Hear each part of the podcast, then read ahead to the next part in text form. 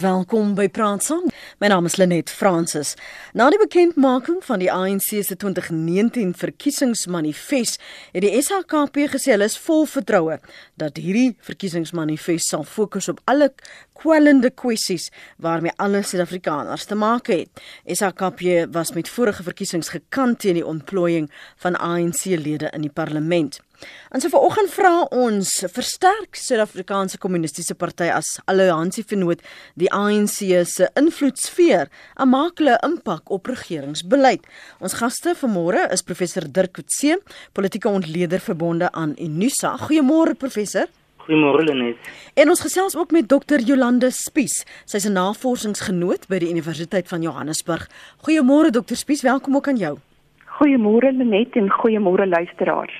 Hoe sterk professor Kutse is hierdie alliansie tussen die ANC en SAKP? Want ons het in die verlede ook al kritiek gehad van die SAKP oor die regering, oor ANC beleid in spesifiek en ook die die wyse waarop sekere leiers al gedra het. Ja, die alliansie tussen die ANC en die kommunistiese party gaan terug na die laat 1940s. Ehm um, so dit is 'n baie ou alliansie, is drie deel van die drieledige alliansie saam met die vakbondbeweging. Vroeger was dit SACTU en nou is dit COSATU. So dis iets wat baie sterk historiese betekenis het. Ehm um, en wat in 1990 na die wetgewing van die ANC ehm um, in die SLKP ehm um, en die vorming daarvan met saam met COSATU wat uiteindelik weer die alliansie op sy been gebring het. So dit is dis iets wat mense nie eintlik wel ons ken nie ANC in die moderne tyd mm. sonder die kommunistiese party nie. As ons kyk na mense wat die betrokke is of en was by die ANC, ehm um, iemand soos Chris Hani wat 'n baie prominente lid van die ANC en van Mkhonto Bosiswe en hy was die algemene sekretaris van die SAKP. Dieselfde geld vir Joe Slovo. Mm. Maar vandag as ons kyk na die SAKP, daar's 'n hele klomp persone wat ministers is byvoorbeeld wat lede is van die sentrale komitee Jeff Gadebe is 'n baie goeie voorbeeld daarvan. Rob Davies is 'n goeie voorbeeld daarvan. Ehm um, Jeremy Cronin was tot nie lank gelede nie die, die, 'n adjunkminister gewees. Ehm um, en so mee kan mense aangaan. Daar's daar's 'n hele reeks van hulle. Uh dink die die vraag is tot watter mate is die SLKP 'n werklike faktor as dit kom by denke, as dit kom by beleid binne die ANC? En ek dink dis waar die grootste kritiek op die oomblik teen die SHKP vanuit hulle eie geleedere of vanaf die ANC se geleedere en veral vanaf die linkerkant vanaf die vakbond beweeg kom. Deur te sê dat die SHKP eintlik sedert uh, blykend 'n man die die leier geword het. Um, na um, Chrisani en Joe Slovo se leierskap is hulle in 'n groot mate gekoopteer deur die ANC. Ehm um, en is daar eintlik relatief min sigbaar deur die staat van mm. SAKP wat mense kan sê dis uit uit uit uitdruk ehm um, die SAKP se identiteit se standpunt wat nie die van die ANC is nie. Ehm um, tydens die Zuma periode het die verhouding natuurlik versleg. Mm. Ehm um, en net hulle die punt bereik waar die SAKP gesê het wel hulle is bereid om op hulle eie aanverkiesings deel te neem en hulle het in een geval wel gedoen uh, met die plaaslike verkiesing van Metsimahole wat naby Sasolburg is waar hulle teen die ANC gestaan het um, en verhoed het dat die ANC meerderheid daar kon kry. So daardie opsie bly steeds oop vir die SAKP as hulle voel hulle word eintlik net as 'n melkkoe vir die ANC gebruik en dat dan nie genoeg in van 'n rol of 'n invloed binne die SAKP kan speel nie. Ons kan net nou vergelykings tref. Uh, jy het nou verwys na met Blyden se Monday toe hy uh, daar was en hoe dinge verander het. Maar ek gaan terugkeer daarna. Ek wil net vir Dr Spies vra om vir ons 'n uh, uh, oorsig te gee want baie mense het nog altyd kommunisme as die rooi gevaar gesien. Um dis nie uniek aan Suid-Afrika daai vrese nie, maar kom ons praat oor die die pad wat kommunisme in Suid-Afrika veral ge, gestap het tot op hede en waarom dit so sukkel om 'n eie identiteit hier in Suid-Afrika te vestig wat professor Dr. Kutse praat van um, professor Kutse praat van 'n kooptering. Lenet, ehm um, kommunisme is 'n baie ou filosofie. Ehm um, en wat mense nie altyd ehm um, besef nie is dat jy dit selfs kan terugtrek na ehm um, na die Christelike uh, filosofie uit uit Bybelse tye uit. In sy eenvoudigste vorm is dit 'n sosio-ekonomiese ehm um, filosofie wat gaan oor 'n klaslose samelewing waar almal deel in die wins waar daar nie 'n uh, geldstelsel is nie. Dis dis basies utopia. Dit is dis wat kommunisme uh, beteken. Dit kom van die woord kommunaal af. Met ander woorde ons almal deel ja. in, in in dit wat goed is. Die probleem ehm um, kom in sy politieke praktyk en in die ehm um, die doktrines wat rondom dit gevestig is deur die eeue.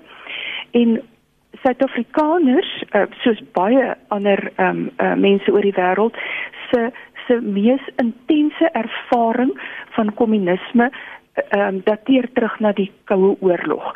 In die tyd van die Koue Oorlog en dit is die jare wat ek groot geword het, ek dink glo ehm um, Dirk ook baie ander luisteraars het ons dit geassosieer met ehm um, 'n totalitêre ehm um, vorm van regering wat ons sou ehm um, verhoed by ons ehm um, ehm um, om ons Christelikheid uit te leef. En daarom het ons dit gesien as 'n presiese antitese van die wêreldbeskouing wat ons gehad het.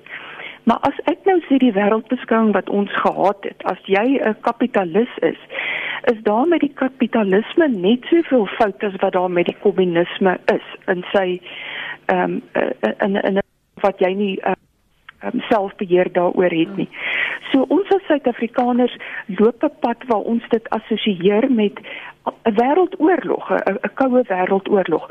Iets wat baie luisteraars dalk nie sal weet nie is dat in Suid-Afrika was die vroegste kommunistiese beweging onder Afrikaners gewees nie onder 'n uh, bevrydingsbegroepe nie want onthou die Afrikaners was 'n onderdrukte groep gewees en na die depressie jare het hulle gevoel hulle trek aan die agterspeen. So in Suid-Afrika het die kommunisme 'n interessante pad geloop uit kort nadat dit begin het onder Afrikaners het die Sowjetunie begin om ehm um, swart bevrydingsgroepe te ondersteun. Ehm uh, uit hulle perspektief uit was dit die was dit die mees ehm um, vrugbare grond gewees en en en dit is waar hulle hulle opvoeding en hulle um, hulle hulpbronne ingestort het. So in Suid-Afrika het uh, kommunisme ongelukkig, ek weet nie of dit ongelukkig is nie, maar dit het ehm um, amper sinoniem geword met die anti-apartheid stryd. Nou dit is sodat in die wêreld is kommunistiese bewegings meesal ingestel op gelykheid van individue. Dit is hoekom ironies genoeg in Afghanistan tydens die 80er jare toe die Sowjetunie ehm um, daar onwettig beheer oorgeneem het, was dit een van die kort tydjies in die geskiedenis van Afghanistan waar vrouens gelyke regte gehad het. So daar is sekere elemente van 'n uh, kommunistiese bedeel wat ons maak nie saak wat wat jou ehm um, godsdienstige oortuiging is, die baie hmm. aanklank by kan vind. Maar in Suid-Afrika omdat die kommunistiese party hom so daadwerklik geskaar het by die bevrydingsbewegings veral by die ANC en omdat hy 'n ANC vernoot is sedert 94 is daar baie mense wat dit assosieer met ehm um, anti-blank of anti-westers ehm ja. um, en daarom in Suid-Afrika het dit 'n spesifieke interessante profiel. Connie, goeiemôre. Môre met jou gaste. Ja, as ons na die SKP kyk, kan ons sien dit was 'n party wat nooit groot steun onder kiesers gehad het nie uh ons weet van sy leiers het wel 'n belangrike rol in politieke besluite van die uh drie party alliansie gehad. Uh as ons kyk na die nasionale demokratiese revolusie, uh die ANC se aanvaarding van van van hierdie uh revolusie, die in die uh dan uh word beskou as 'n werkersprogram. My vraag is uh hoe betekenisvol is die SK se besluit dan om om 'n verkiesings deel te neem behoort hulle hulle self te hervorm as 'n duidelike kom ons sê linkse alternatief. Mm. Uh, is hulle links genoeg? Moet dit 'n werkersparty wees of 'n sosialistiese party? Uh, een wat radikale sosiale demokrasie voorstaan. En uh, dan sal natuurlik direk met die ES EFF mee dan. Mm -hmm. Ek luister graag hoor. Mm. Mooi dag. Dankie daarvoor Connie want dit lê eintlik vir my in na, na wat op ek wil fokus want ons het die laaste ruk gesien uh, die persepsie bestaan en het ontstaan professor Kutse dat ehm um, SAKP beleid is om alles uh, gratis weg te gee. Gratis onderwys, gratis uh, toelaas, gratis behuising en dit dit sou dan nou verseker dat hierdie gelykheid in 'n samelewing sou plaasvind. Is dit werklik kommunistiese beleid, hierdie persepsie wat gepropageer word en stem jy met die bekommernisse van van Connie saam? Hoe moet die SHKP hulle dan uh, vergestel as hulle deel wil wees van 'n verkiesing as 'n opsie? Wel, eerstens dink ek die SHKP het, um, het is nie regtig gerad vir verkiesing nie. Hulle is 'n baie klein partytjie. Ehm um, die ANC het kry gewoonlik rondom 11 miljoen stemme by 'n nasionale verkiesing. Ehm um, die SHKP het op hierdie op sy grootste omtrent 100 000 lede gehad teenoor op daardie stadium die ANC het meer as 'n miljoen lede. So in verhouding is dit 'n baie klein party. Dis 'n party wat baie konsentreer op die vakbonde. Dis hoekom hulle baie sterk verhouding um, met Kusatu het, die uh, die SHKP. Ehm um, hulle is ook um, populêr binne linkse intellektuele groeperings. Ehm um, en dit as gevolg daarvan is dit aan begin dit eintlik terug party vroeër jare genoem is dat dit 'n voorhoede partye Vanguard Party was. En nie 'n massa party nie. En dis eers in 1990 toe die SHKP gewettig is in Suid-Afrika dat hulle oorgegaan het om te sê wel ons ons stel onsself nou oop om lede dat mense kan aansluit by die SAKP en dat dan nie uitgenooi word as lede nie. So is 'n totaal ander tipe van konsep um, van hoe so 'n party funksioneer. Ehm um, die die SAKP dink ek nie wil werklik 'n party wees wat op sy eie aan 'n verkiesing deelneem nie. Hulle verhouding met die ANC is so ingebind oor jare reeds um, en ons sien hulle self so as deel van die ANC se ontwikkelingsproses um, dat dit net is wanneer daar 'n baie slegte verhouding in die ANC en die SAKP is dat daar gepraat word van die idee om op hulle eie aanverkiesings deel te neem soos wat ek vroeër genoem het um, mm. vir altyd in die, die Zuma uh, era die die SAKP se beleid dink ek is een van die groot punte van kritiek en dit is dat sedert 1990 met die val van die Berlynse muur en die verdwyning van die kommunistiese oosblok, ehm um, was daar 'n soeke vir 'n herdefinering van wat kommunisme in die wêreld moet wees.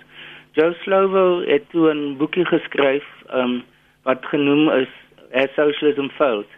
Ehm um, en wat hy probeer het om 'n analise te doen van wat het verkeerd gegaan in die Sowjetunie in Oos-Duitsland en en ander soortgelyke oosbloklande. Ehm um, en hulle het tot die gevolgtrekking gekom en hy spesifiek dat dit gegaan het nie oor sosialisme per se nie, maar die praktiese implementering daarvan. Nou dis 'n baie gemaklike manier om 'n verskoning daarvoor te kry.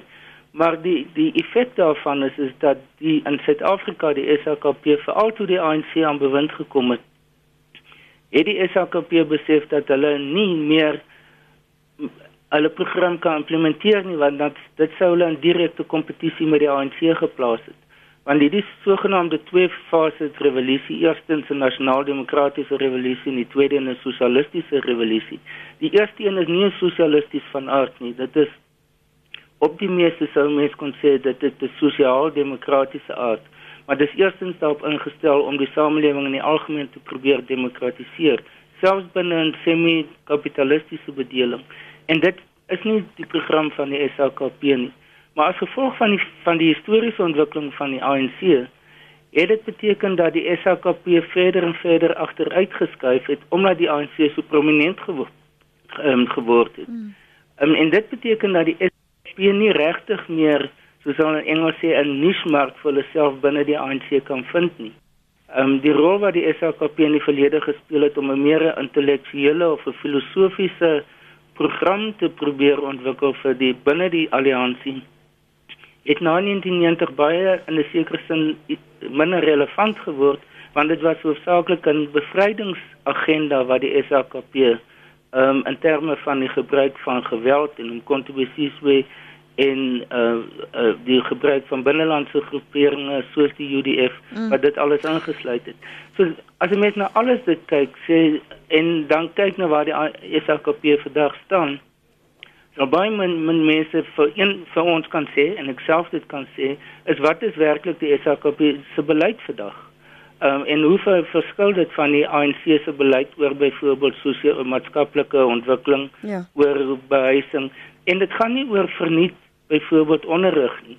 Lande soos Swede het ook verniet onderrig. Ander lande wat baie kapitalisties is, het ook verniet onderrig. So dit is nie die element nie. Hmm. Die die essensie van marxisme is dat dit 'n eenpartytelsel is dat daar nie staatsbesit is nie dat die ekonomie sentraal bestuur word vanaf die vanaf die staat, deur staatsinstellings. Ehm um, en soortgelyke aspekte. En dit is aspekte wat nie op die oomblik deur die SAKP gepropageer word nie.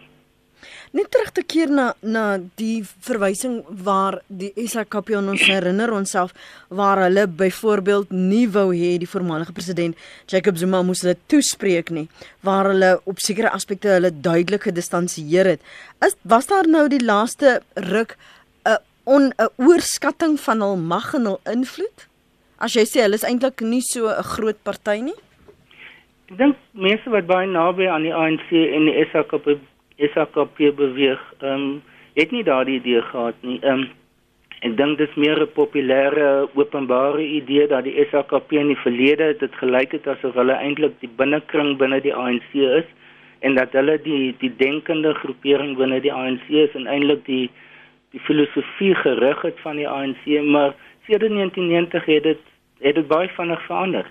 Ehm um, weens die redes wat ek genoem het. Ehm um, en die feit dat iemand soos president Mandela altyd gesê het hy's nie 'n kommunis nie, hy's nie 'n lid van die party nie. Um, ander baie baie prominente persone soos Paulo Jordan wat 'n sosialistiese denker het, het ook gesê hy was nooit 'n lid van die kommunistiese party nie.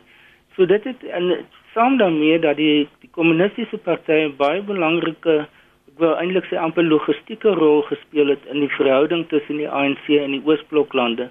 Ehm um, die ou Sowjetunie vir militêre opleiding vir vir materiële ondersteuning wat hulle gekry het vir uh, ander vorms van opleiding, universiteitsopleiding. Daarvoor was die SAKP baie belangrik sentraal geplaas om as 'n fasiliteerder op te tree tussen die ANC en Oosbloklande. Maar met die verdwyning van die Oosbloklande het daardie funksie ook verval. So dis hoekom ek ek argumenteer dat die SAKP ehm um, as 'n entiteit op sy eie op hierdie stadium in 'n groot mate onsigbaar is. Selfs binne die ANC in die parlement het was daar 'n poging van die SAKP om hulle eie caucus binne die ANC se caucus te vorm. Dis geweier deur die ANC. Mhm. Mm So die iemand soos Jeff Gadebe wat 'n lid van die sentrale komitee van die kommunistiese party is, is in die parlement as 'n ANC lid, nie as SAKP lid nie. Dankie vir jou geduld môre Johan. Goeiedag Lenet en baie dankie vir die geleentheid. Uh, Môre ook aan jou geleerde vriende. Uh, toe ons op skool was, was ons geleer kommunisme is die hoër gesag. Daar's geen godsdiens by betrokke gewees nie. Die, uh, God is uitgegooi. Die staat is hoe God uh, die staat betaal uh, be, besluit uh, hoe gaan jy skool en wat kan jy swat en hoeveel geld kan jy verdien ensovoorts. Dit is aan ons voorgehou. En ek dink tot 'n groot mate is ons besig om soontoe te beweeg sonder dat ons dit weet. Ehm um, vry gratis onderwys byvoorbeeld en gratis mediese dienste. Ehm um, maar kapitalisme is net so verkeerd. Ek ek weet inderwaarheid nie wat is die beste kommunisme of kapitalisme nie, maar ek weet net een iets. Kapitalisme het privaat inisiatief.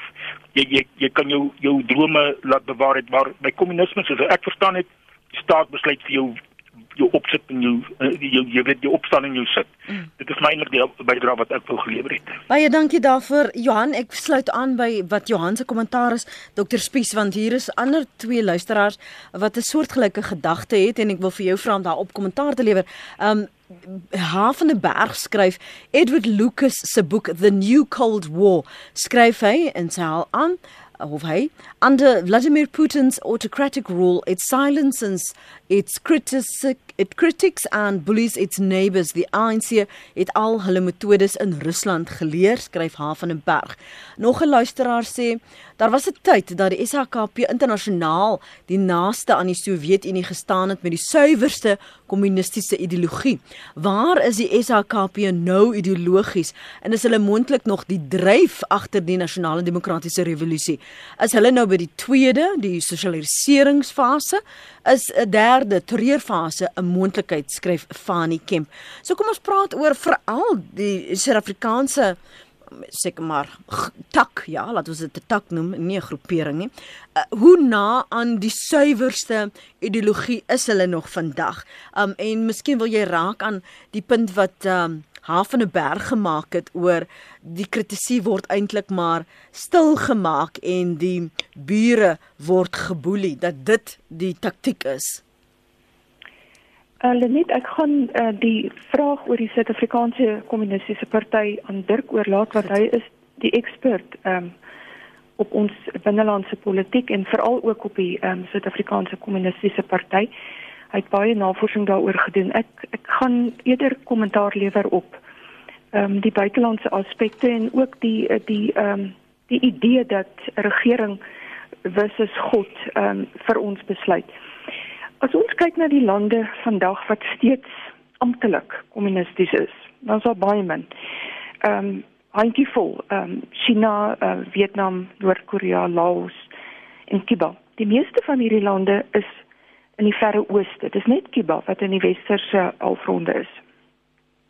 En ek dink dit is juis die die die die lang lewendheid van hulle kommunistiese bedelings het iets te maak met hulle kultuur. Dis boeddhistiese kulture daardie. Ehm um, en boeddhistiese kulture leen hulle self baie meer tot 'n egalitariese ehm um, samelewing. In die in die Christelike uh, weste en ons moenie dink die weste is meer so vreeslik Christelik nie. Inteendeel, die Oos-Europese lande wat van tevore kommunisties was, beleef die grootste Christelike herlewing.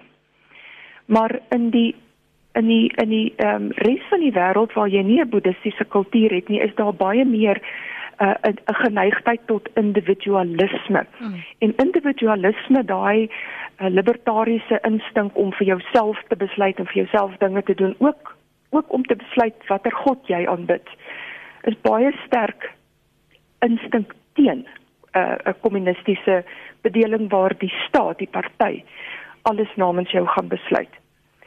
So ons sien vandag dat daar is 'n kommunistiese versigtinge reg oor die wêreld. In Brasilië was die kommunistiese party nog 'n vernoot in die regering alliansie vernoot tot in 2016. Daar's baie lande ook in in in Wes-Europa waar kommunistiese partye nog al die jare ehm um, aangaan met hulle met hulle dinge. Hulle is nie in beheer nie, maar daar's altyd 'n groepie idealistiese mense wat dink hulle het die antwoorde op die probleme wat die wêreld in die gesig staar.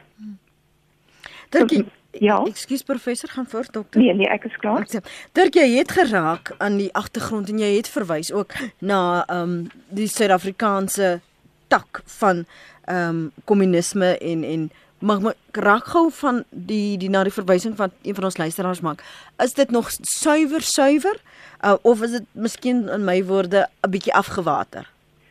Nee, dis baie ver van suiwer. Dit is die die marxisties-leninistiese idee wat die party in 1921 mee begin het. Ehm um, geld glad, glad nie meer vandag nie. Ehm um, die die party soos ek genoem het in 1990 moes 'n radikale kopskuif maak. Ehm um, oor hoe hulle hulle self sien binne die konteks van die ANC, hoe hulle hulle self met internasionale kommunistiese bewegings in die ehm um, assosieer um, en wat hulle onmiddellike toekoms gaan wees, wat hulle onmiddellike beleids en ideologiese doelwitte gaan wees. Die lande waarmee die land waarmee hulle eintlik waarskynlik die meeste nou op die oomblik assosieer, is ideologies nie eintlik in lyn met hulle nie en dit is China want dit is 'n eh, die maoïstiese idee is baie meer op 'n plattelandsontwikkeling ge, gefokus gewees in die rol van die kleinboere teen terwyl die Suid-Afrikaanse marxistiese of kommunistiese beweging was hoofsaaklik ge, gevestig in in die mynwese. Dis waar dit in 'n groot mate ontstaan het en daarna in in die ander vakbondgroeperings. So die die uh, die kommunistiese party van vandag is moet homself gemoderniseer het uit die marxisme van die 1920s tot in tot die 1960s na iets wat nou kan praat oor wat is hulle verhouding met byvoorbeeld instellings soos die World Trade Organization met die IMF met die Wêreldbank.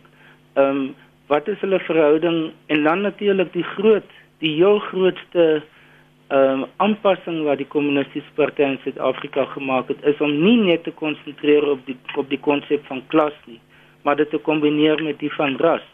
As gevolg daarvan het hulle die konsep ontwikkel van colonialism of a special type. So dit is nie 'n gewone kapitalistiese staat wat of 'n samelewing wat bestaan het tydens die apartheid periode nie, maar iets wat eintlik 'n tipe van aan die een kant gelyk het soos 'n kapitalistiese samelewing, maar aan die ander kant baie sterk kenmerke van 'n koloniale samelewing ook gehad het. Die uniekheid daarvan is dat dit in een land is dat die koloniale moondheid nie ver weg in Europa was nie. Dit het dan beteken dat daar 'n nasionalistiese element in die ANC en die kommunistiese party ingebring is wat die twee aan mekaar kon verbind wat glad nie 'n marxistiese idee is nie. Nasionalisme en marxisme staan reg teenoor mekaar. As 'n mens kyk vandag na die na die ANC, is die nasionalistiese idees wat veral president Zuma wakker gemaak het weer baie meer prominent as die sosialistiese idees. So die die die die die idee van marxisme of van kommunisme in Suid-Afrika is op hierdie stadium baie swak gedefinieer en dit is hoekom ek gesê die kommunistiese party het in 'n groot mate sy identiteit verloor. Mhm. Ehm mm um, omdat hy nie meer 'n program het wat wat eie aan homself is nie. As 'n mens nou kyk na die na die SAKP se partyprogramme wat hulle by hulle nasionale kongresse aanvaar, is hulle basiese verwysingspunt die nasionale ontwikkelingsplan. Nou dis 'n plan waaraan baie mense van buite deelgeneem het in die nasionale ontwikkel uh, nasionale beplanningskommissie waarvan baie glad geen kontak met die SAKP het nie. So dit dit is 'n kort wat ek wil probeer voorstel as die as die ideologiese dilemma van die SAKP vandag.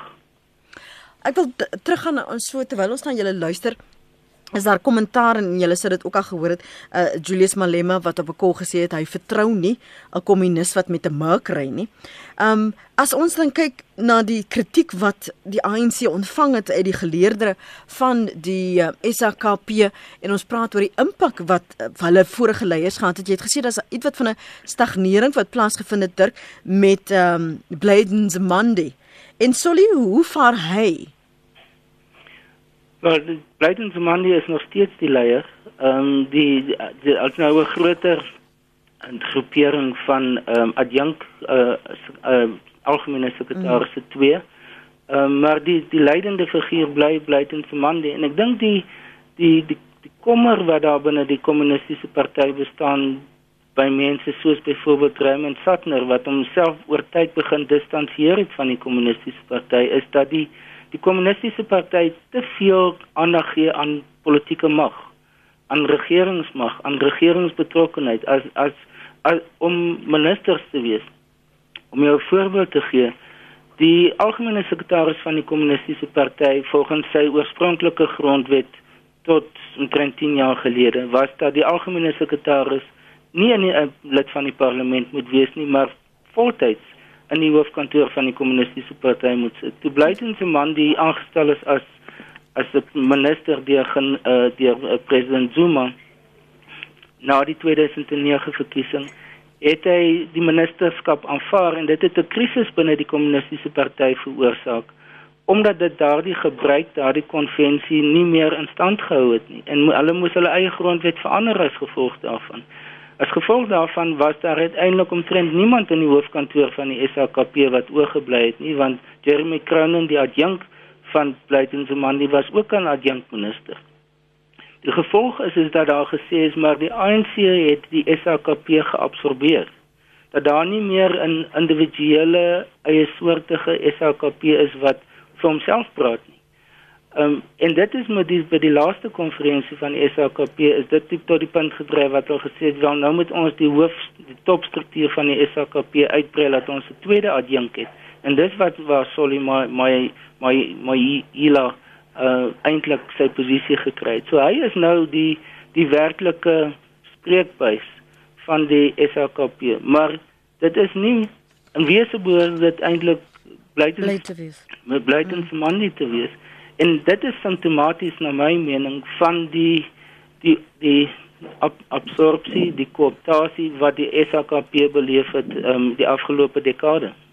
As ons praat oor die beleid, die kommunistiese beleid dan dokter Spies, wat is die einddoel? Gaan dit net oor sosiaal en ekonomies gelyk te wees? Hoe volhoubaar is dit veral in in 'n land soos Suid-Afrika? Nee, wat dit is genaamd die volhoubaar nie. Dis hoekom ons nog nooit in die geskiedenis van die wêreld 'n werklike kommunistiese staat gesien het nie.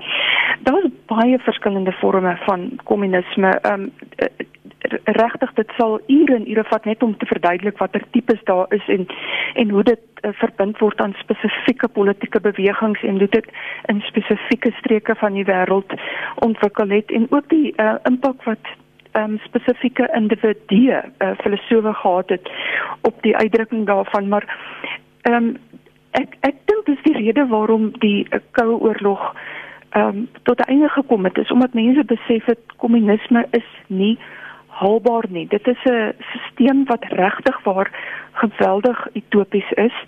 Ehm um, en ja, die die ehm um, einddoel is 'n klaslose samelewing waar almal gelyk is, waar uh, daar nie 'n geldstelsel is nie, waar ehm um, waar waar mag soos wat Dirk uitgewys het net eenvoudig nie belangrik is nie omdat almal spontaan doen wat hulle kan doen en wat hulle moet doen.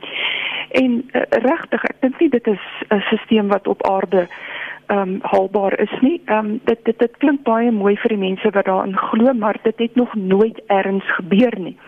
En die die eh uh, kommunistiese partye wat oorleef in die wêreld, die wat in in beleidsposisies oorleef, is juis die wat hulle self die hele tyd ehm um, transformeer of hulle word geforseer om te verander.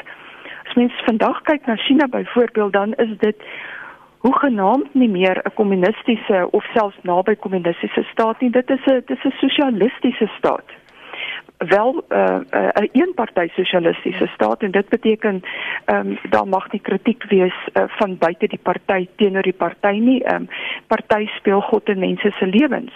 Maar China is ek meen in die, op die wêreld ehm um, verhoog uh, tree China soos 'n kapitalistiese agent op. Hy dryf handel met absolute winsbejag. Die idee van kommunisme en dit ehm um, onderskei dit ook van nasionalisme is dat dit nie ehm um, in sy in sy ehm um, oorspronklike vorm is dit nie veronderstel om te stop by landsgrense nie. Dit is veronderstel om 'n globale beweging te wees. Die idee is dat alles gaan spontaan uiteindelik in daai patroon inval. So daar behoort nie 'n gevoel te wees van versus Zimbabwe of ons versus ehm um, Brittanje of wat ook al nie, -hmm. dit is maar net ons, ons is die mensdom. En dit het nog nêrens gebeur nie. Jy het nog nêrens gesien dat hierdie nasionale grense spontaan disintegreer omdat almal wil gelyk wees nie. Inteendeel, in Afrika is nasionale grense sterker en meer ge ehm um, geïmplementeer as ooit vantevore. So ek ek sien kommunisme regtig waar as 'n as 'n as 'n vreeslike um, idealistiese filosofie. Ehm um, dit het geweldig baie invloed gehad op die wêreldpolitiek en dit kan ons nooit onderskat nie. Hmm. En daar's iets ehm um, in die akademiese wêreld wat ek ehm um, wat ek hier wil beklemtoon. En dit is die geweldige impak wat kommunisme gehad het op die denke agter internasionale politieke ekonomie. Dis 'n akademiese dissipline op sy eie wat ontwikkel het sedert die sedert die 70er jare. En dit wat beteken dit?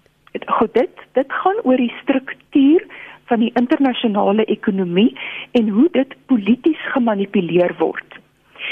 En dit is belangrik vir ons almal of jy nou naaste by kommunistiese um, sentimente het of nie.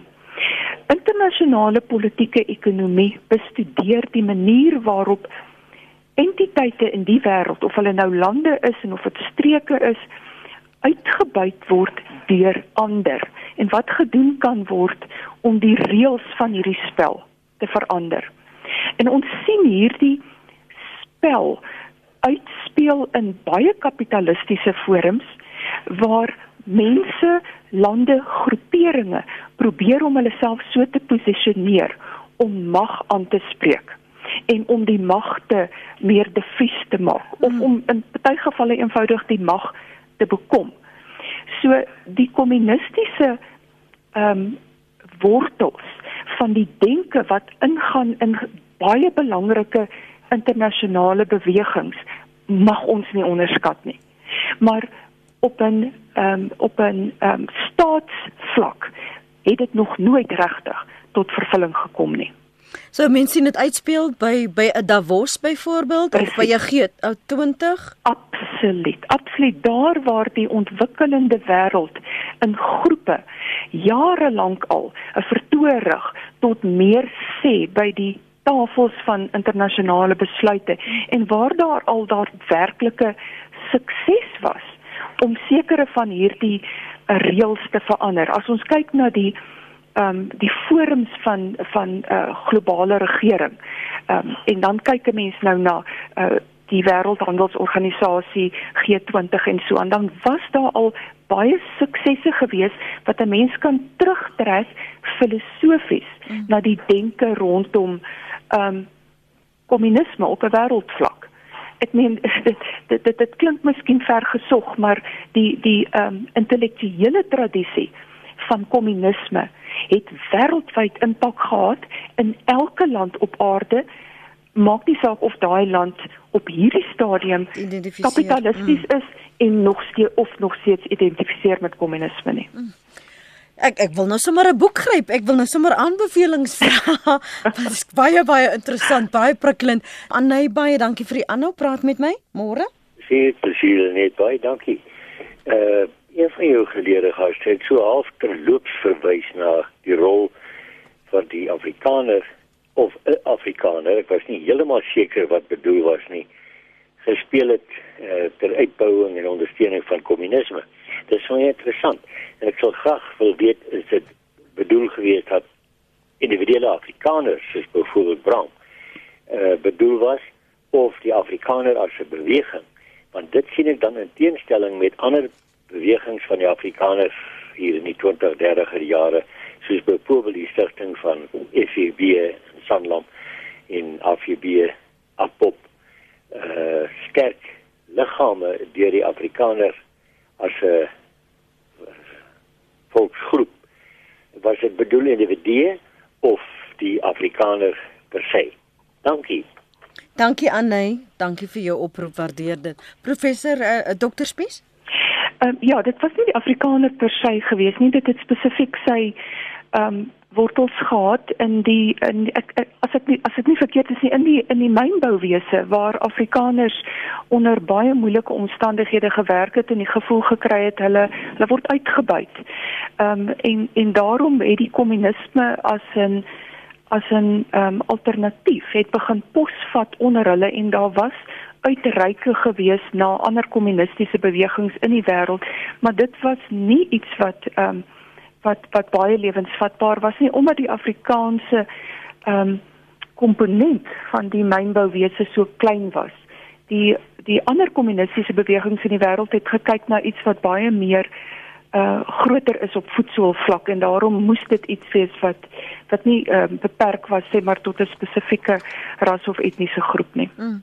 Dirk, is daar ehm um, prominente Afrikaanse leiers wat wel kommunistiese ondertone of dan 'n grondslag gehad het?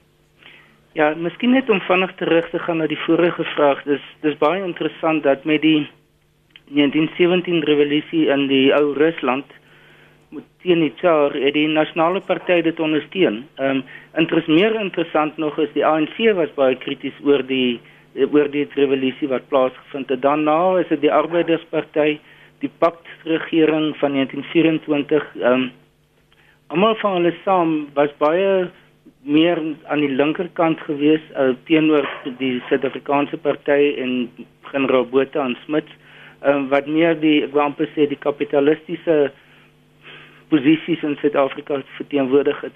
Daarna was ek sekerlik die belangrikste Afrikaanssprekende persoon wat by die kommunistiese party betrokke was was Bram Fischer natuurlik, maar voor dit ook 'n persoon soos um, Petrus Beileveld, Betty de Tooy, dit was almal groot figure in die, in die 1940s voordat die kommunistiese party in 1950 ver, amptelik verbied is wat 'n groot rol gespeel het. Ehm um, so dit was en en mense moet ook onthou dat die kommunistiese party in die toe dit begin het die bewegings rondom die Eerste Wêreldoorlog 1915 was dit 'n baie sterk Britse komponent ook gehad as gevolg van die Britte Britse mynwerkers wat na Suid-Afrika gekom het om in die veral in die goudmyne te werk en ook die diamantmyne. Ehm um, en met die tyd het die die Afrikaanssprekendes wat veral as gevolg van die depressie ehm um, weg is van die wat verstedelik het dat hulle by die die mynwerkers prosesse betrokke geraak, deel van die vakbonde geword en by die by die kommunistiese party uitgekom. Dis eers later ehm um, in die 1940s wat dit die, die meerderheid van die lede van die kommunistiese party swart persone was en en nie meer wit nie.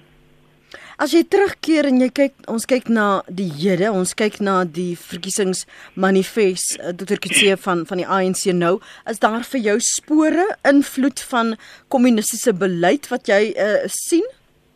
Nee, glad nie. Ehm um, wow. ek ek dink mense kan sê dat wel eerstens moet ek sê dit hang baie af van wat van watter posisie af 'n mens na die dokument kyk. As 'n mens van 'n ver regse, baie konservatiewe kant af kan daarna kyk, dan sal ek kan dink dat daar mense sekere elemente daarvan dan kan sien as jy meer van 'n middelposisie daarna kyk, sal jy kan sê wel op die meeste is dit 'n soort van 'n meer sosiaal-demokratiese tipe van bedeling wat voorgestel word in sommige gevalle, ander gevalle baie sterk suiwer amper suiwer kapitalistiese uh, bedeling. Uh, maar glad nie dit wat ons van vroeër gepraat het van 'n um, eenpartytelsel 'n absoluut gesent, gesentraliseerde ekonomie wat deur die staat bestuur word, geen privaat besit. Ehm um, en dat daar ook al die verskillende forme van beperkings is op ehm um, uh, politieke deelname. Nie. Dit dit is totaal net afwesig in die ANC se se verkiesingsmanifest. En as jy hulle toekoms in veral in Suid-Afrika die pad vorentoe uh, moes opsom veral met die die um, opkoms van 'n young uh, communist league hoe hoe sterk figureer hulle vorentoe veral omdat ons um, al meer sien jonger leiers soos binne die EFF wat na vore kom gaan jy sien jy enige juweeltjies vanuit daardie uh, beweging die young communist league ongelukkig vir hulle nie die die laaste persoon wat prominent was was Boetie Manamela. Manamela. Hy is nou ook in die regering geabsorbeer, aangetrek as adjunkminister. Um so die Young Communist League is is tot 'n mate aktief op universiteitsvlak. Um maar hulle dilemma is is dat hulle is ingebind in die sogenaamde Young the Progressive Youth Alliance wat SASCO in die jeugliga en dan die Young Communist League almal insluit.